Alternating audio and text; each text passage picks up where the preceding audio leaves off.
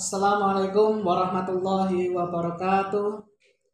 Selamat pagi teman-teman semuanya. Kembali lagi di acara POSA Podcast Sosiologi Agama. Pada kesempatan kali ini kita akan berbincang-bincang tentang kepenulisan dengan narasumber kita yang sangat luar biasa dan sudah hadir di tengah kita yaitu Ibu Dr. Adib Sofia SSN. Langsung saja kita akan menanyakan tentang kepenulisan dengan beliau agar teman-teman sekalian juga mendapatkan bagaimana caranya menulis yang baik dan benar dan bagaimana eh, apa menyusun bahasa kemudian eh, apa namanya bagaimana menghindari plagiarisme dan lain sebagainya nanti kita akan tanyakan ke Bu Adib Sofia. Assalamualaikum Bu Ade. Waalaikumsalam warahmatullahi Bagaimana kabar Bu Ade? Baik Mas Heri, Ya. iya semangat seperti Mas Oh Heri. iya, semangat ya Bu. Iya. Gimana? Sehat nih. Bu? Alhamdulillah, Alhamdulillah. sehat, iya. Eh, begini Bu, eh, Mm. terkait eh, pagi ini kita akan bicara tentang kepenulisan. Iya, iya. Nah, ini juga menjadikan bekal bagi teman-teman eh, apa mahasiswa-mahasiswa pada umumnya ya, Mhm. khususnya sosiologi agama Mhm. Agar mereka itu bisa Suka nulis. ya. Suka nulis kayak Mas Heri. Iya. Saya juga menulis. Saya nggak sengaja loh waktu itu eh, lagi browsing kok loh kok tulisannya Ferry gitu. Oh. Iya. Iya. Nanya aja sama Mas Heri. Iya. Saya juga menulis di beberapa blog ya. Iya. Nah, terus eh, ini Bu, Mm. bagaimana sih Bu, cara menulis yang baik dan benar itu? Cara menulis yang baik sama yang benar. Untuk yang pertama kali harus dipahami bahwa yang baik-baik belum tentu benar, Mas Heri. Oh iya. Iya, kadang-kadang kan misalnya kita menggunakan kata dikarenakan yang sering saya Hmm. sampaikan ya. Dikarenakan itu kan sebetulnya karena itu adalah eh, apa? sebab-sebab dari sesuatu. Dia hanya merupakan kata hubung, tetapi sering kali orang mengatakan menambahkan di kan ya, di kan Iya, iya. seperti halnya kata kerja, padahal itu bukan kata kerja. Maka dikarenakan kan nggak ada pasangannya mengarenakan ya sehingga sebetulnya dalam surat-surat eh, izin misalnya itu kan akan terasa sangat baik gitu ya. Akan terasa sangat sopan kalau hari ini saya tidak masuk dikarenakan sakit sama Iya. kata-kata hari ini saya tidak masuk karena sakit. Nah orang kadang-kadang merasa lebih sopan menggunakan dikarenakan. Padahal itu salah karena bukan kata kerja Ya, maka nggak ada mengarenakan juga. Kalau ada mengarenakan pastinya sudah benar. Misalnya eh, diminta meminta kan pasti ada pasangannya. Oh, tapi dikarenakan nggak pernah ada pasangannya memang karena itu tidak benar walaupun itu baik. Seperti itu. Oh, nah caranya bagaimana untuk eh, menyebut baik sama benar? Eh, baiknya itu adalah eh, efektivitas mas. Jadi apa yang dipikirkan oleh orang yang menulis itu cepat nyampe ke pemikiran orang yang membaca. Itu pasti dikatakan sebagai tulisannya baik atau efektif gitu. Sedangkan benarnya tentu sesuai dengan kaidah karena yang namanya bahasa sudah dikonstruksi sedemikian rupa supaya ada sistemnya. Sistem itu diciptakan karena untuk bisa dipelajari orang lain.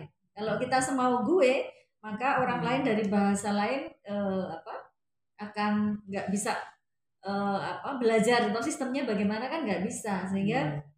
Sehingga diperlukan ketaatan terhadap berbahasa itu. Iya. Gitu Mas Ferry. Eh, lalu ini Bu, kan kaitannya dengan anak-anak yang baru masuk kuliah nih. Hmm. Mereka kan apa ya mendapatkan pelajaran bahasa Indonesia dari sebelumnya iya ya. sebelumnya dan itu ternyata mereka Iya. tidak matang gitu Uh-uh. untuk bekal apa tadi EZD-nya Iya. gitu. Nah, itu bagaimana itu? Oke, oke. Tadi Mas Ferry bilang anak-anak ya. Iya. Ini bahasa gaul aja. Bahasa gaul. Sedangkan yang namanya pembelajaran di perguruan tinggi sudah bukan lagi pedagogi atau pembelajaran anak-anak seperti di SD, SMP, SMA ya. Kalau orang sudah masuk di kampus, pelajarannya itu andragogi. Andragogi itu pembelajaran orang dewasa. Jadi kepada mereka kita nggak bisa ngasih ini loh ejaan yang sekarang namanya adalah PUEB, pedoman umum ejaan yang disempurnakan, yaitu ini udah nggak bisa. Maka lebih banyak diajak praktik saja, ya. Itu juga yang membuat eh, seseorang itu kadang gagu di dalam menulis ya. Kad- kadang nggak merasa terbiasa. Karena menulis itu sebetulnya adalah keterampilan Mas Heri. Mas Heri bisa nulis kan dari yang kecil-kecil nulis pembiasaan nulis gitu kan Iya, Mas?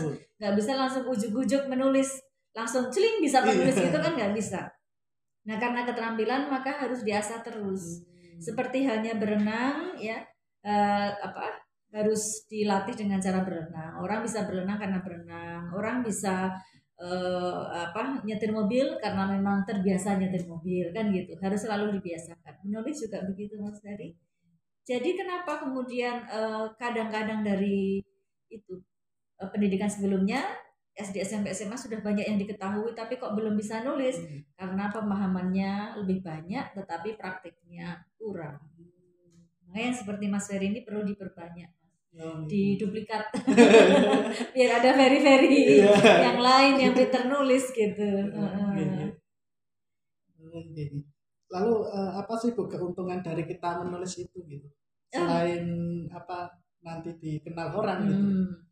Iya itu yang pertama kali memang niatnya bukan untuk dikenal orang hmm. wow gitu ya wow keren gitu sih ya tetapi bagaimana kita memberikan kontribusi untuk peradaban dunia gitu jadi kalau misalnya kan ada orang yang banyak orang yang pinter sekali, tetapi uh, tidak banyak orang yang tahu konstruksi pemikirannya itu kayak apa. Jadi hanya puzzle-puzzle dalam podcast misalnya ya, hmm. hanya puzzle-puzzle di dalam uh, tayangan-tayangan atau ceramah-ceramahnya begitu. Tetapi konstruksi utuhnya orang ini, ini tuh seperti apa itu ketahuannya lewat tulisan. Maka dari menulis itu memang salah satu fungsi tulisan itu adalah untuk mengkonstruksi pemikiran sehingga orang paham apa yang ada di pikiran kita. Sehingga kita bisa lebih berkontribusi untuk bangsa. Win suka mendunia. Win suka mendunia. jadi ke sana ya. Iya. Oke. Okay. Itu Mas Ari ya. Kadang sayang loh orang pinter-pinter tapi nggak punya tulisan nggak punya iya. buku yeah. sehingga orang tuh menerka dia tuh maunya sebetulnya apa dia tuh uh, apa yang dipikirkan tuh apa saja itu kan susah gitu tapi kalau kemudian dia punya buku dia punya tulisan ah oh pikirannya dia kayak gini ya kan bisa hmm. dikembangkan lagi sehingga ilmu tuh terakumulasi jadi kalau ada tulisan baru ilmu terakumulasi, ada lagi baru terakumulasi. Jadi ilmu itu berkembang, nggak mandek, nggak hmm, iya. stuck di situ aja. Gitu. Berarti bisa terdokumentasikan gitu. gitu. Iya, iya. Bagaimana ini apa para ulama-ulama dulu kan bukan mereka mengkaji ilmu-ilmu itu kemudian didokumentasikan dalam apa itu namanya naskah-naskah iya. manuskrip gitu. Ya. Betul, ya. saya nyebutnya adalah kekayaan intelektual. Hmm jadi yang namanya perkembangan intelektual itu seperti apa kita bisa tahu dari cara orang menulis. Kalau hmm. nggak punya tulisan orangnya meninggal udah selesai. Yes. Tapi kalau uh, apa punya tulisan orangnya meninggal ya kita berpikirnya ini masih amal jariah satu. Yang kedua itu bisa terus diakumulasi ilmunya, dikembangkan terus sehingga itu peradaban menjadi bisa sesuai dengan zamannya terus. Kontribusinya Kontribusi. nyata luar biasa ini ya. iya, Jadi teman-teman nih harus semangat uh, menulis ya. Iya. Mencoba untuk menulis ya paling tidak memulainya terlebih dulu. Mm -hmm. Dari yang kecil-kecil ya. dulu nggak apa-apa Mas Eri. Nanti lama-lama terbiasa.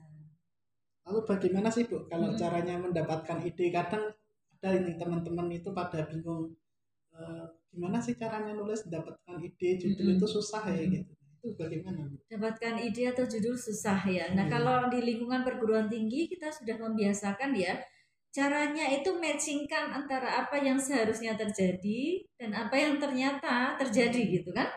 Anda berpikir idealnya seperti apa, ternyata ini enggak ideal misalnya gitu ya.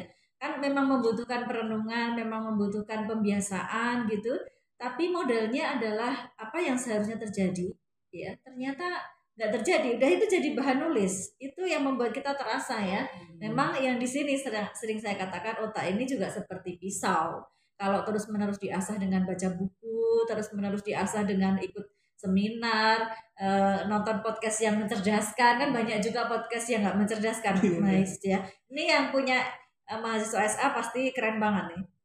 Salah satu bentuk dari mengasah pisau ini nah kalau pisaunya itu tajam maka fenomena apa pun yang lewat di depan kita itu akan ketangkap sebagai sebuah masalah. Tapi kalau hmm. fenomenanya tumpul, eh fenomenanya tumpul, pisaunya itu tumpul, ah apa yang lewat nggak ada masalah dunia kayaknya baik-baik aja, nggak ada bahan nulis. Ya jadi itu ketajaman otak, ketajaman intelektual itu memang harus terus dipelihara. Di antaranya memikirkan apakah uh, idealnya sesuatu dan apa yang ternyata terjadi. Misalnya ya mahasiswa itu harusnya lancar uh, uang kiriman ya kan, kok nggak lancar? Nah, itu kan masalah gitu. Itu itu uh, gambaran uh, pendeknya bahwa masalah itu sebetulnya ada seharusnya bangun tidur kita sholat dong gitu kan hmm. namanya hamba Allah itu memang hanya untuk beribadah tugasnya tapi kok pengen tidur lagi ya itu pasti ada masalah kan gitu kan hmm. mudahnya nah sekarang kita berpikir ke yang lebih kompleks lagi misalnya seharusnya bantuan-bantuan dari mana-mana itu disampaikan kepada masyarakat secara adil misalnya ya. Kok di tempat saya bantuan-bantuan itu malah justru didapatkan oleh orang-orang yang mampu ya? Ya kan? Berarti apa yang seharusnya terjadi sama apa yang ternyata terjadi hmm. nggak match. Ya udah di situ ditulis. Misalnya lagi pernikahan itu adalah sebuah uh, apa? Sebuah hal yang perlu disiapkan secara bi biologis pasti secara sosial pasti kan nanti ada dampak-dampak sosial ya. Kemudian secara uh, banyak hal gitulah ya. Nah ternyata banyak sekali pernikahan-pernikahan dini yang tidak memikirkan kesiapan itu. Berarti pernikahan dini adalah masalah gitu.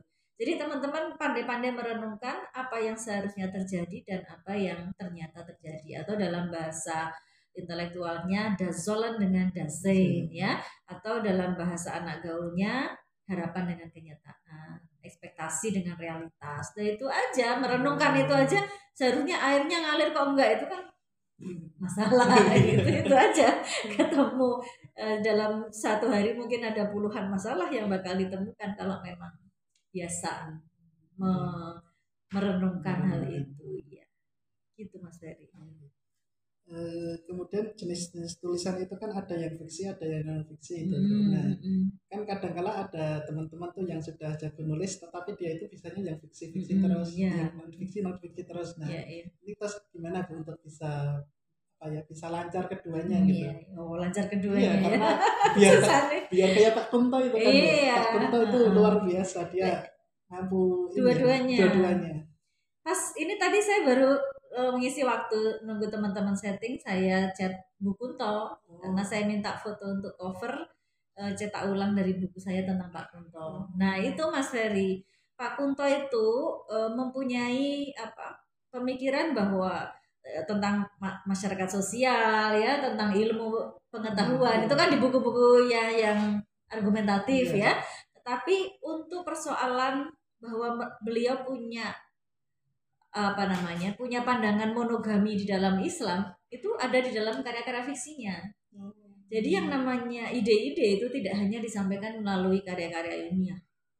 Tapi beliau juga menyampaikannya di dalam 12 12 karya fiksinya bahwa Islam itu sebetulnya mengajarkan monogami.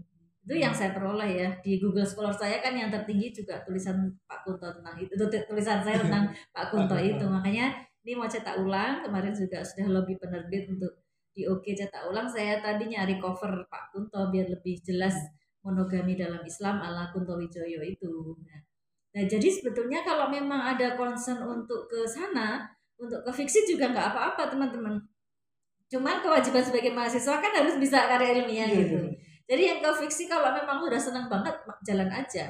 Toh itu juga bisa membawa perubahan. Seperti penelitian saya Laskar Pelangi misalnya Laskar Pelangi itu kan fiksi, tapi mampu mengubah masyarakat yang tadinya penerbangan itu ke Bangka Belitung hanya seminggu dua kali, jadi sehari 14 kali misalnya. Itu kan suatu hal yang e, luar biasa dari efek fiksi. Dari yang jalannya kecil ke bandara jadi lebar sekali. Dari yang masyarakat yang sektor pariwisatanya lesu menjadi meningkat. Nah itu hanya dari sebuah fiksi. Teman-teman juga bisa. Itu dipelihara nggak apa-apa. Pak Kunta tadi juga adalah sebuah contoh. Tapi yang karya ilmiah wajib karena masuk ke kampus berarti sudah masuk ke lingkungan intelektual. Caranya gimana? Caranya pelajari masing-masing style gitu. Untuk karya ilmiah stylenya itu argumentatif. Argumentasi itu yang sering kali nggak didapat pada saat orang nulis makalah, Mas. Makalah sering kali kesalahannya adalah ngambil-ngambil-ngambil dari buku-buku buku terus digoreng jadi satu udah hasilnya kayak ringkasan dari mana-mana iya kan gorengan dari mana-mana itu salah banget gitu ya seharusnya adalah tadi dari merenungkan apa yang seharusnya terjadi dan apa yang ternyata terjadi lalu memikirkan argumennya. Menurut saya ini terjadi karena apa? Atau menurut saya ini akan menjadi bagus jika jadi argumennya itu muncul. Itu harus wajib. Makalah itu harus ada itu. Harus muncul argumen penulisnya baru dikuatkan dengan berbagai macam referensi, bukti-bukti, fakta-fakta lainnya. Nah, ini wajib dimiliki oleh uh, seorang calon sarjana dari mana pun. Walaupun dia senang nulis fiksi ya biar itu jalan terus ya. Uh, tetapi untuk seorang sarjana wajib bisa jadi benar Mas Heri sih dua-duanya waduh susah tapi memang iya. harus ya tapi yang fiksi kan nggak harus ya, ya tapi yang wajib yang argumentasi tadi makalah skripsi tesis disertasi semuanya adalah argumentasi. Karya argumentasi. Karena untuk memberikan pendapat dari penulisnya tentang suatu masalah yang ditemukan